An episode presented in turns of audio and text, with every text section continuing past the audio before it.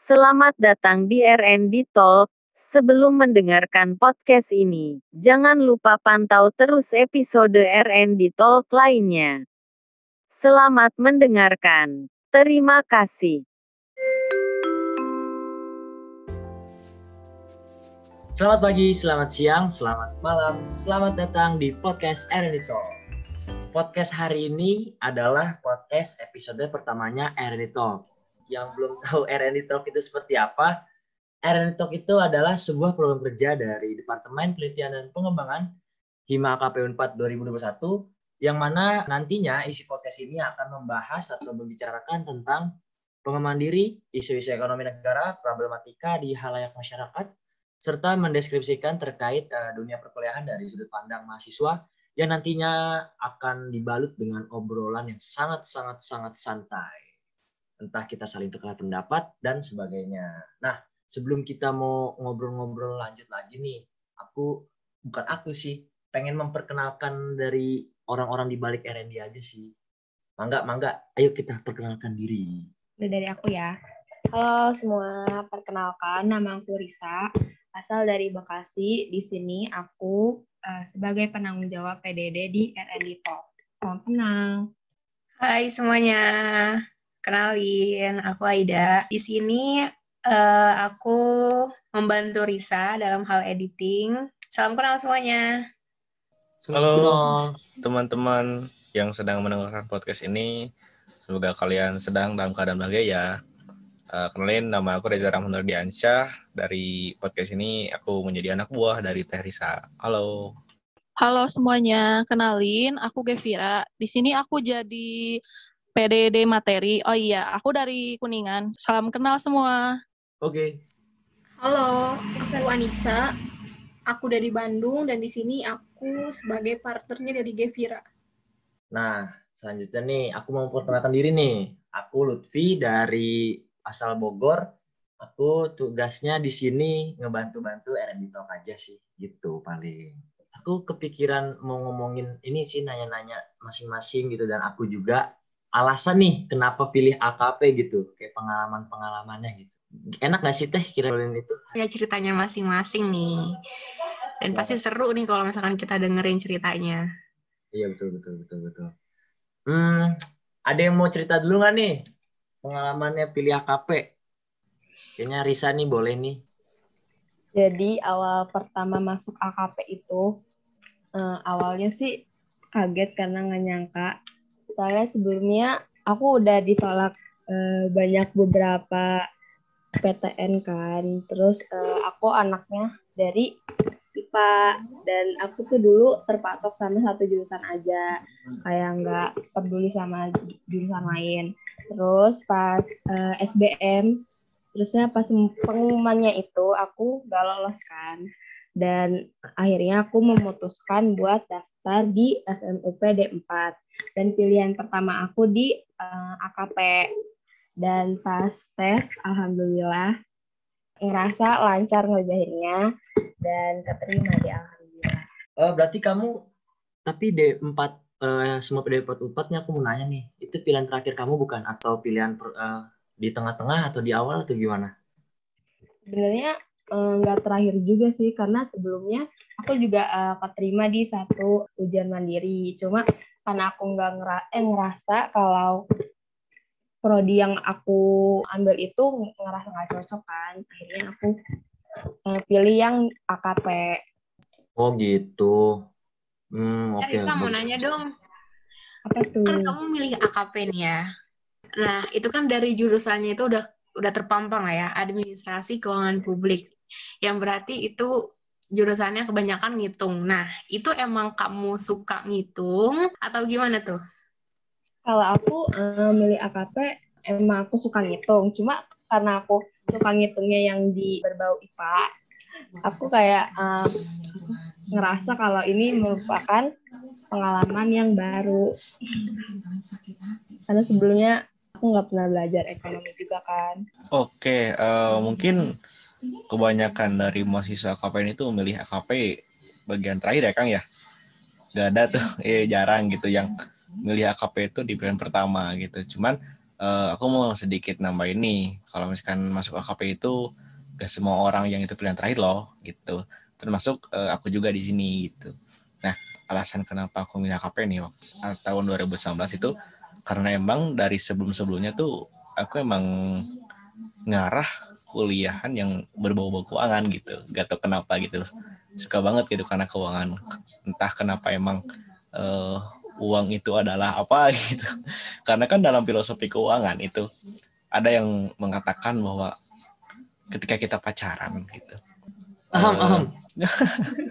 ketika kita pacaran jika ada uang tuh maka lancarlah segala pacarannya gitu. Seperti itu. Betul banget.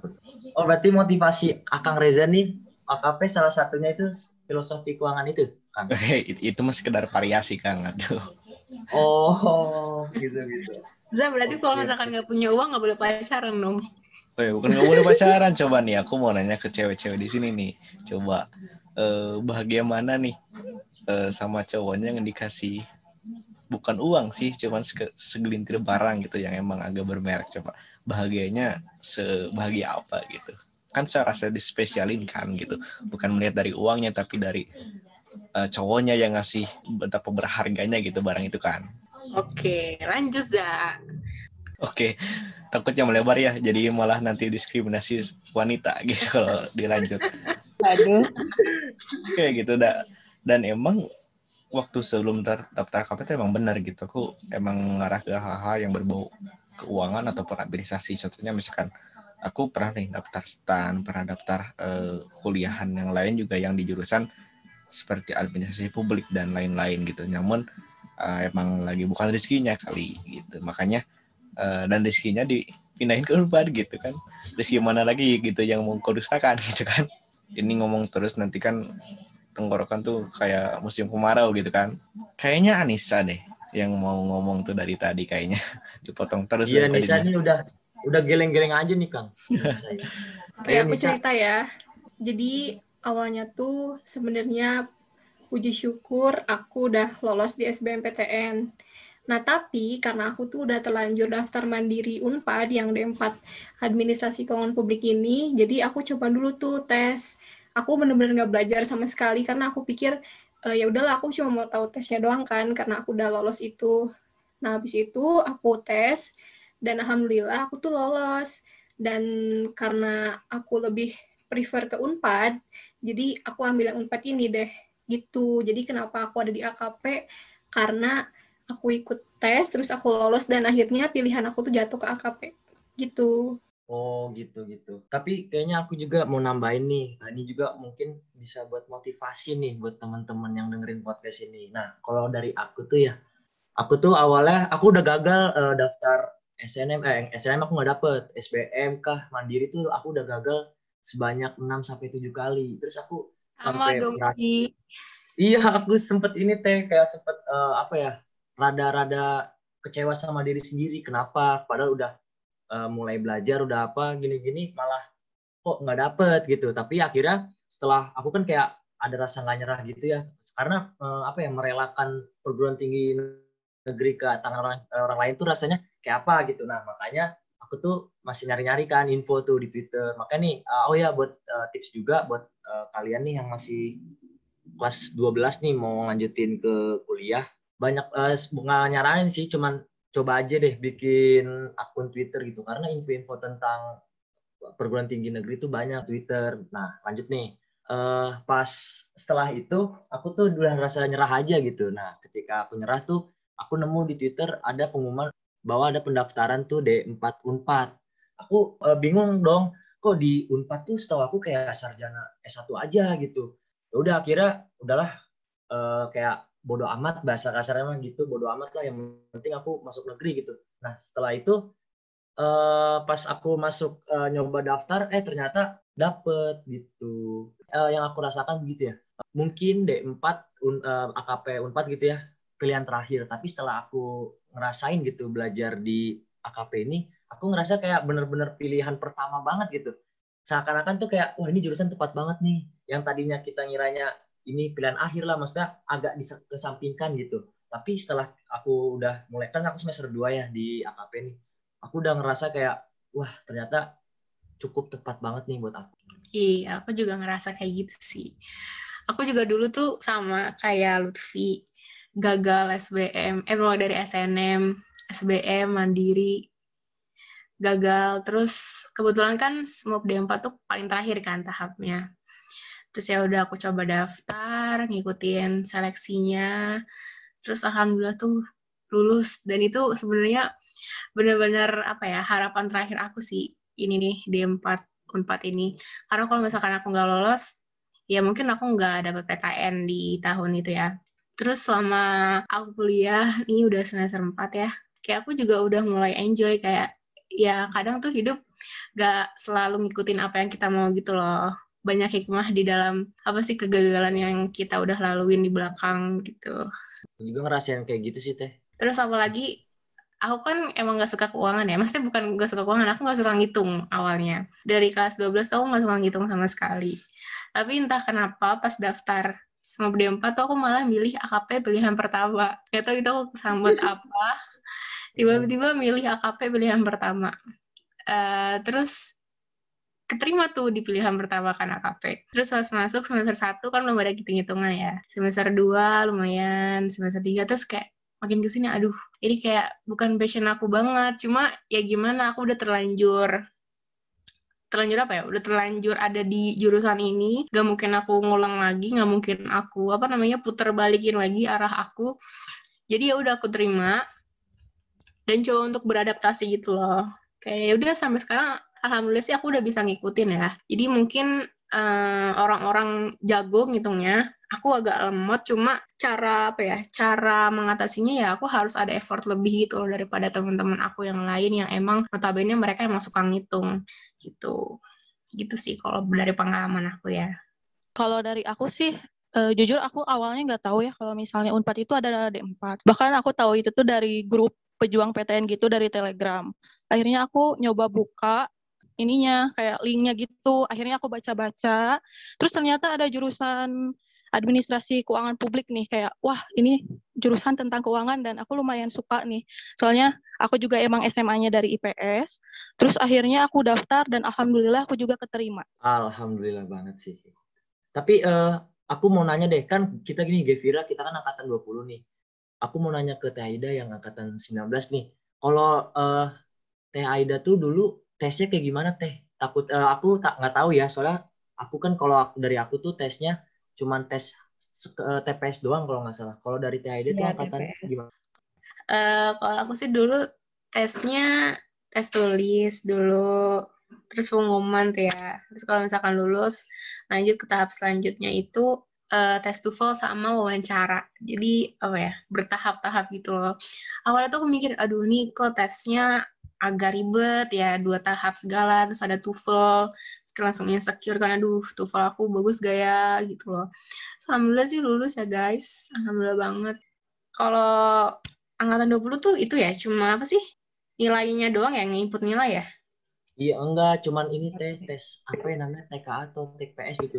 Kayak uh, jujur aja gitu ya. Kayaknya Risa juga ngalamin deh. Aku tuh malah justru yang buat D4 itu cuman mikirnya cuman pakai logika aja gitu. Nggak ada persiapan buat belajar. Kalau kamu gimana ya, betul sih. Ya kan sih? Ya, ya kan? aku juga nggak ada persiapan. Kayak ya udah kerjain aja gitu. Kerjain dan lupakan setelah ujian. Oh betul betul. Nah ini buat temen-temen nih yang nanti yang dengar podcast ini kalau misalkan pengen tahu nih mandirinya unpad tuh ngeceknya lewat mana ya? Nah ngeceknya itu ada di smup.unpad.ac.id nah itu banyak banget tuh info tentang SBM misalkan jurusan ini dibolehin sama uh, jurusan IPA atau IPS atau yang ini SMK juga bisa. Ada itu udah pokoknya dipantau aja websitenya smup.unpad.ac.id seperti itu.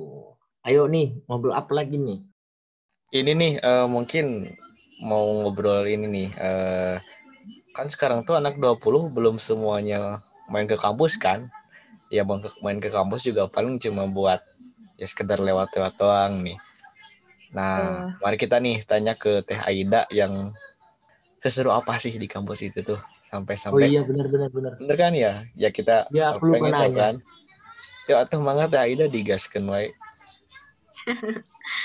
Gimana nih ceritanya dalam hal apanya dulu nih kan banyak lah. luas. Kalau misalkan Oh, ini. hal pendidikan sih udah boring gitu ya. Kalau pendidikan sih belajar di kelas ya sama-sama aja mungkin. Nah, paling kita ngobrolin ini aja teh. Ngobrolin gimana nih di luar belajar gitu di luar kelas gimana aja. Mungkin kita suka nongkrong di mana atau suka makan malah makan-makan di mana gitu kan. Banyak gitu kan cerita di Nangor. Hmm, kalau di Nangor sih apa ya? Aku tuh suka banget minum papaus, tau gak sih? Nanti kalian pasti ketemu papaus. Itu tuh aku kayak hampir tiap hari beli papaus. Itu enak banget. Kayak di kosan wa- walaupun kosan aku deket ya sama papaus tuh kadang aku suka mager. Jadi gue papaus terus kalau misalkan temen abis dari kampus nih terus aku nitip papaus tuh kayak favorit banget sih. Itu dalam hal jajanan ya itu kalau dari versi aku.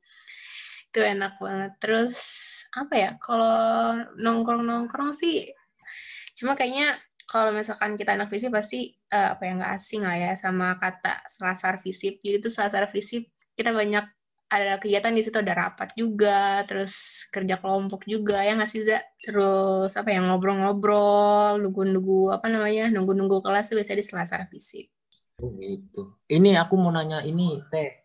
Katanya banyak banget nih yang bilang Nangor tuh eh, panas katanya mah. Nah, itu bener gak sih teh? Di Nangor tuh panas banget gitu. Iya, panas. Udah panas. Terus banyak truk debu di mana-mana, gersang. Itu awal-awal aku ke Nangor tuh bener-bener apa ya? Kulit aku tuh langsung jadi jerawat gitu loh, kayak belum beradaptasi. Sumpah, langsung jadi jelek. Cuma makin lama, makin lama, makin lama, kulit aku udah mulai beradaptasi.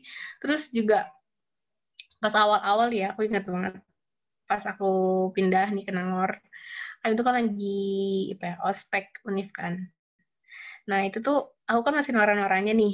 Aku pindahan kan kos di Nangor. Terus aku setiap hari setiap waktu tuh jajan-jajan di pinggiran gitu kan. Terus tau gak sih aku langsung diare pas ini pas ospek univ ampun gak enak banget lagi ospek terus banget. Oh it- Ya, itu pas lagi ospeknya teh apa udah selesai? iya pas lagi ospeknya. Oh. Nggak tahu ya emang aku emang lagi kena penyakit aja apa karena emang jajan-jajanannya cuma ya emang enak sih murah terus enak aku sedikit bagi-bagi cerita ya nih untuk yang tadi nih buat yang makan. Aku tuh pernah gini, Vi. Eh, kita tuh berempat nih, berempat punya uang tuh cuman lima ribu, lima ribu, lima ribu gitu. Jadi ada dua puluh ribu. Oh, iya. Kalau misalkan kita eh beli sendiri nih lima ribu, lima ribu kan nggak akan kerasa ya, cuma nasi doang gitu. Hmm. Nah kita mikir nih, coba nih eh, kamu yang beli nasi, kamu yang beli ini, beli ini. Jadi disatuin semuanya gitu. Oh. Jadi satu orang tuh cuma beli asakannya doang, yang satu orang beli cuma beli nasinya doang gitu. Berarti Nah, itu bener- lah gitu bener- ya. Iya PT-PT bener, nah itu bener-bener kerasa gitu. Jauh di rumah tuh kayak gimana, yang kurang uang tuh kayak gimana sih. Nah itu tuh pengalaman yang bener-bener eh, berharga banget gitu buat kita. Coba nih si sedikit nyinggung ya yang tadi katanya Nangor itu panas. Coba deh kalian ke Nangor waktu pagi-pagi. Pagi-pagi sekitar jam 6 sampai jam 7 lah gitu. Tapi eh coba masuknya ke Saintek. Nah, itu tuh kalian gak akan ngerasain Nangor seriusan. Itu tuh kayak di Dago, di Lembang gitu. Sejuknya tuh emang kayak asri banget gitu karena kan di Saintek Oh. itu banyak hutan-hutan gitu. Eh bukan hutan sih, itu pohon-pohon gitu. Jadi gak selamanya Nangor itu panas gitu. Ada waktu-waktunya gitu ya, ada waktu Iya, panas, eh, waktu betul, betul, gitu ya. Malahan waktu Hmm. tes tes ini nih tes wawancara ya wawancara itu kan di Visip ya itu tuh datang jam 5 ke Visip itu tuh kerasa dingin banget gitu jam 5 sampai jam 6 tuh gitu. Jam jam 6 lah kayak jam 5 jam 5 emang dingin kan. Jam 6 lah dingin gitu di Nangor itu. Cuman emang kalau misalkan lagi panas nih kalau lagi panas tengah siang Nangor tuh emang bener-bener kayak dibakar gitu. Panasnya tuh orang-orang tuh gak ada tuh yang berani di jalan jalan kaki tuh gak ada gitu. Malah tuh eh, ngebelain naik odong gitu. Odong itu apa kan? Aku Nah. nggak tahu. oh iya iya lupa ya. Anak dong lu juga gak tahu odong ya Oh, ada odong tuh kendaraan atau apa? eh, odong tuh sejenis kendaraan lah gitu kayak elf lah Tahu tahu. elf cuman dia eh, mobilnya tuh kayak di modif gitu nah si Oh. warna itu warna biru pernah gak ke Nangor kayak ini ya apa namanya? Maksudnya itu tuh difungsikan buat pengantar apa? Nganter-nganterin mahasiswa gitu ya ke setiap fakultas ya? Betul, betul. Mm-mm. Oh Nah. kayak kayak tetangga berarti ya? Mm-mm. Itu maksudnya Depok, Depok. Nih, kayak kayak temen aku nih pernah ke waktu itu pengalaman nih dia tuh baru pertama kali ke Unpad kan baru pertama kali ngampus dia tuh naik odong eh pas turunnya dia bayar gitu tapi kan karena emang odong itu fasilitas kan jadi nggak ya digratiskan lah ininya gitu Oh gitu. Berarti, Oh iya, sekarang aku dong yang mau nanya, boleh nggak? oh boleh boleh boleh teh. Hmm, Nah, tadi kan Lutfi nanya nih sama angkatannya emang udah pernah kuliah secara tatap muka nih kan di Nangor. Aku mau nanya nih, gimana nih sih pengalaman Lutfi dan teman-teman lainnya nih sama awal masuk kuliah tuh belum pernah tatap muka sama sekali, belum pernah ketemu sama temennya, terus juga belum pernah ketemu dosennya. Itu gimana tuh rasanya udah 1 sampai 2 semester ini? Kalau misalnya dari aku kan online ya kuliahnya. Terus jadi kalau dari aku sendiri sih lumayan susah nyari teman deket gitu ya. Jadi kita tuh emang harus SKSD ke orang lain gitu biar dapet temen, biar bisa nanya tugas, biar bisa bikin kelompok bareng. Kalau itu sih dari aku.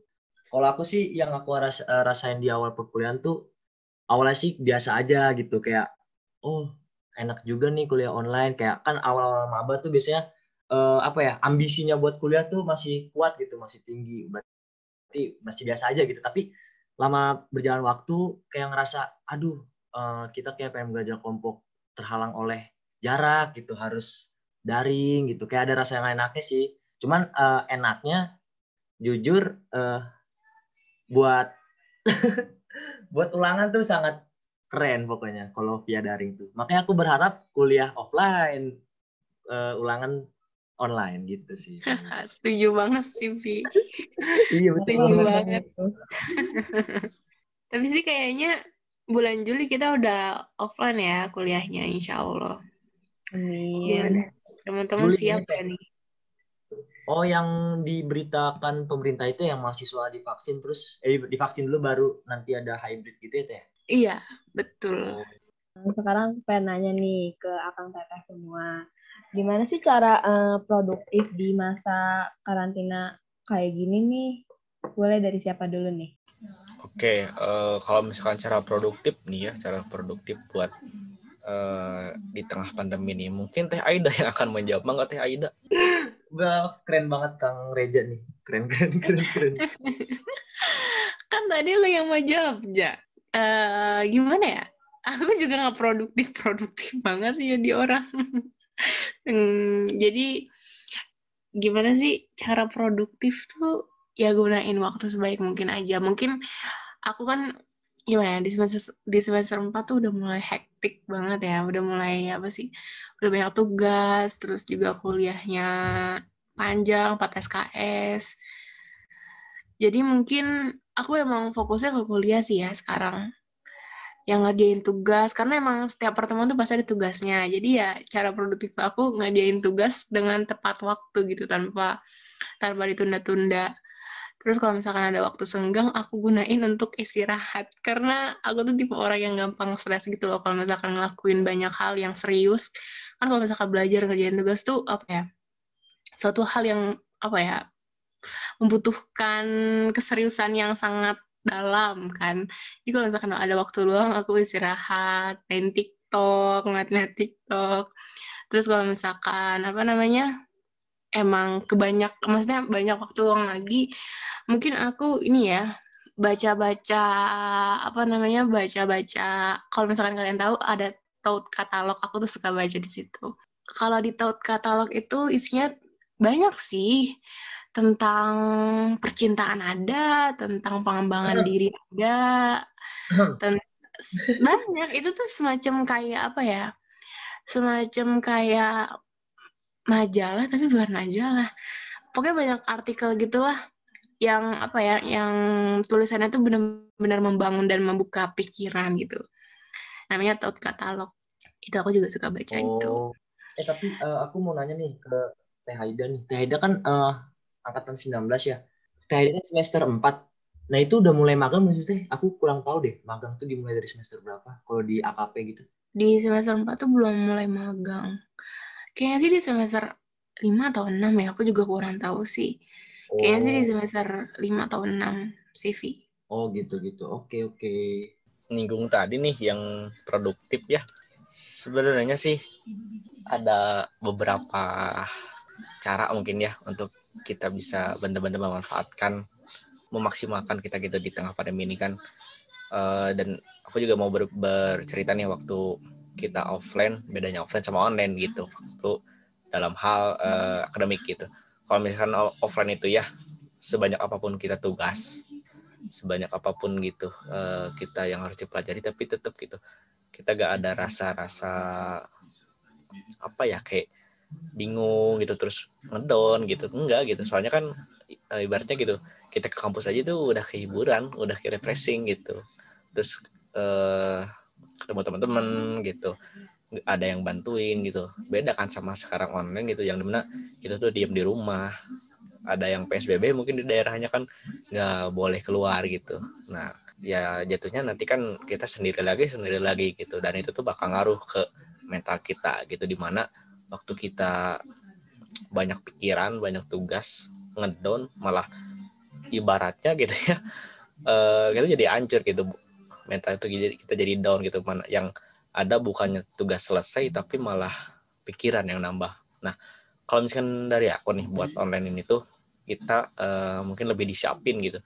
Dalam artian disiapinnya itu ketika kita misalkan besok mau kuliah ya cobalah gitu malamnya kita jangan gadang terus kita juga eh, melihat nih sebelumnya pengalaman kalau misalkan kuliah online itu jarang masuk nih si materi itu ya kita coba mandiri gitu coba mandiri untuk baca-baca lah sedikit-sedikit. Yang penting kita paham dulu apa yang nanti kita eh, dipelajari sama dosennya gitu biar itu kita gak ibaratnya kayak gelas gitu yang mau diisi air tapi si gelasnya tuh ketutup gitu. Kita kan gak akan masuk-masuk gitu mau itu berapa jam juga diisi air itu gak akan masuk-masuk. Nah kayak gitu gitu. Kalau misalkan kita udah siap dituangin sama materi sama apa yang mau dikasih sama dosen kita udah siap gitu. Nah dari mental sih i- intinya gitu. Karena ya tadi itu kan sangat sangat ngaruh gitu sangat ngaruh. Apalagi nih sekarang tuh di semester 4 ya di AIDA bener-bener tuh eh, si tugas itu wah numpuk banget gitu. Apalagi ditambah ada pemadatan kelas gitu yang mana kita tuh eh, kuliah dari jam setengah delapan beres jam setengah lima itu kan. Kayak yang kerja di pabrik gitu kan. Kita bukan dibayar tapi kan kita yang bayar gitu. Mana kita harus dikasih tugas gitu ya. Intinya sih kalau misalkan mau produktif ya eh, kalian harus siap gitu. Siapin mental siapin kesehatan atur pola makan jangan lupa olahraga itu sih. Eh, ibaratnya kita diri kita diri kita tuh harus sehat dulu gitu. Karena kalau misalkan kita sehat ya ke depannya insya Allah gitu bakal siap lah mau nerima Oh iya, aku juga apa ya? Aku juga kadang tuh berpikir nih ya, selama kita belajar online kayak gini nih, kita tuh dituntut untuk lebih mandiri gitu loh belajarnya ya dalam hal belajar. Kalau misalkan nggak tahu, ya harus cari tahu sendiri karena kalian kan di rumah nih masing-masing sendiri. Paling juga kalau misalkan ngobrol sama temen juga via online kan. Jadi tuh kalau misalkan nggak ngerti ya cari tahu sendiri. Kalau misalkan tugas yang ngerjain sendiri kan. Kalau misalkan tatap muka ya bisa lah asal nyalin gitu kan datang lebih awal nyalin kalau kayak gini kan gimana sih agak susah ya walaupun emang bisa tinggal ngepap cuma menurut aku eh, kita lebih dituntut untuk lebih mandiri gitu loh dalam belajar jadi kayak kalau misalkan nggak ngerti ya cari tahu sendiri kalau misalkan ada tugas ya coba cari tahu sendiri gitu karena kan emang sistem belajar online tuh nggak apa ya nggak se efektif kalau misalkan kita tatap muka kan. Kalau online tuh menurut aku penjelasannya juga ya sekilas-sekilas aja gitu kan. Beda sama kalau misalkan kita eh, kuliah tatap muka yang kalau misalkan nanya bisa bebas nanya mau apa aja terus bisa bisa ngobrol langsung sama dosennya gitu kan komunikasinya juga lebih enak cuma kalau misalkan di online lagi kan kita lebih terbatas kan jadi ya harus lebih mandiri aja sih dan harus ada rasa apa ya kepedulian lah terhadap kuliah gitu loh. Nah, betul banget, betul banget tuh kata Teh Aida gitu. Intinya sih kita harus siap ya dengan segala apa pun gitu. Mau kita jangan pikirlah kita pandemi kapan akhirnya, tapi kita harus siap gitu karena manusia itu eh, dalam otaknya terdiri dari eh, triliunan sel gitu. Masa sih gitu otak manusia gak bisa menghadapin semua hal ini gitu. Nah, oke nih eh, mungkin udah banyak itu ya pembahasan dari awal sampai akhir mungkin kita udah menuju ke akhir ada sedikit nih pertanyaan dari kita ya dari aku sama Teh Haida nih buat teman-teman yang semester 2 yang baru baba yang masih unyu-unyu gitu ya. Coba nih eh, kalian kan masih belum kenal penuh ya sama Unpad sama KP atau secara umum lah gitu. Coba nih eh, dari Risa, dari Anissa, dari Gevira atau dari Lutfi apa sih yang bener-bener kalian tuh pengen tahu banget gitu dari Unpad ini gitu uh, waktu itu kan aku pernah masuk ya sekilas di Unpad yang bagian visip nih. Aku pernah ngeliat di sebelah kantin tuh ada lapangan gitu. Nah, apakah lapangan itu tuh digunakan setiap hari atau karena ada event-event tertentu kayak misalnya lomba olahraga gitu? Kalau lapang visip ya, emang sih lapang visip itu ibaratnya itu tuh lapang serbaguna gitu. Kenapa lapang serbaguna? Itu tuh bukan buat cuma olahraga doang loh dari awal misalkan misalkan nih dari awal kita masuk kita ospek tuh itu lapang itu digunain buat ospek buat perkumpulan seluruh maba gitu. Nah e, beranjak ke sini kalau misalkan dalam hal olahraganya ya nah itu tuh sering dijadiin pakai pekan olahraga gitulah. Pekan olahraga bukan gak sepekan sih sepekan lebih lah. Nah namanya itu Vistaura Art. Itu tuh e, lomba-lomba seperti futsal terus apal gitu itu tuh dilaksanakan di situ di lapang itu gitu Nah, kadang juga nih kalau misalkan nggak olahraga tuh si lapang itu tuh bisa dijadiin tempat nongkrong. Contohnya nih anak-anak KKP juga suka nongkrong di pojok lapang itu tuh. Apalagi kan itu tuh di atas itu ya pohon-pohon gitu. Jadi rasanya tuh sejuk gitu di tengah nangor yang sangat panas gitu. Bener-bener itu lapang ngangunin lah gitu lapang itu tuh. Bener-bener jadi serbaguna gitu. Oh ya nih, uh, aku juga mau nanya nih. Kalau aku kan juga belum tahu nih dunia perkuliahan seperti apa karena kan masih online gitu ya. Kalau di Unpad itu misalkan kita fisip gitu, boleh nggak sih kayak mampir gitu apa emang misalkan kita fisip gitu, misalkan istirahat, kita main gitu ke fakultas lain atau ke mana gitu. Nah itu kira-kira boleh nggak sih Akang Teteh? Atau emang nggak boleh karena ada pembatasan itu gimana tuh Akang Teteh? Hmm, jadi gini, kalau sistem di kampus itu uh, mau di fakultas mau di univ itu sebenarnya bebas sih bebas kita mau univ lain pun kita bebas gitu ke kampus mana pun gitu. Oh. ditambah lagi nih kan ITB sama Unpad itu pinggiran ya? Nah kadang itu anak ITB itu suka sholat di MRU pernah tahu gak MRU itu apa? Yang gerbang itu bukan sih Kang? Yang gangnya eh apa aku kan kurang tahu juga. Yang gangnya itu naik naik itu bukan sih Kang? Apa nah, jalan menuju masuk? ya kalau MRU itu masih dari Unpad gitu. Oh iya iya Iya tahu tahu kan. Unik-unik lain tuh ya kayak ITB atau apa gitu ya. Atau yang lain yang sengaja ke Unpad main ke Unpad tuh gak apa-apa bebas gitu. Karena kalau kita masuk ke Unpad itu gak ditagih KTM lah. Gak ditagih kartu tanah mahasiswa gitu. Oh. kalau misalkan buat ke fakultas ke fakultas ya. Makasih infonya Kang. Baru tahu aku. Kang teh aku mau nanya dong ini lebih ke penasaran aja sih kalau misalkan di Unpad khususnya di fisik tuh ada jam malamnya gitu nggak sih? Kayak misalkan ada di uh, disuruh pulang gitu.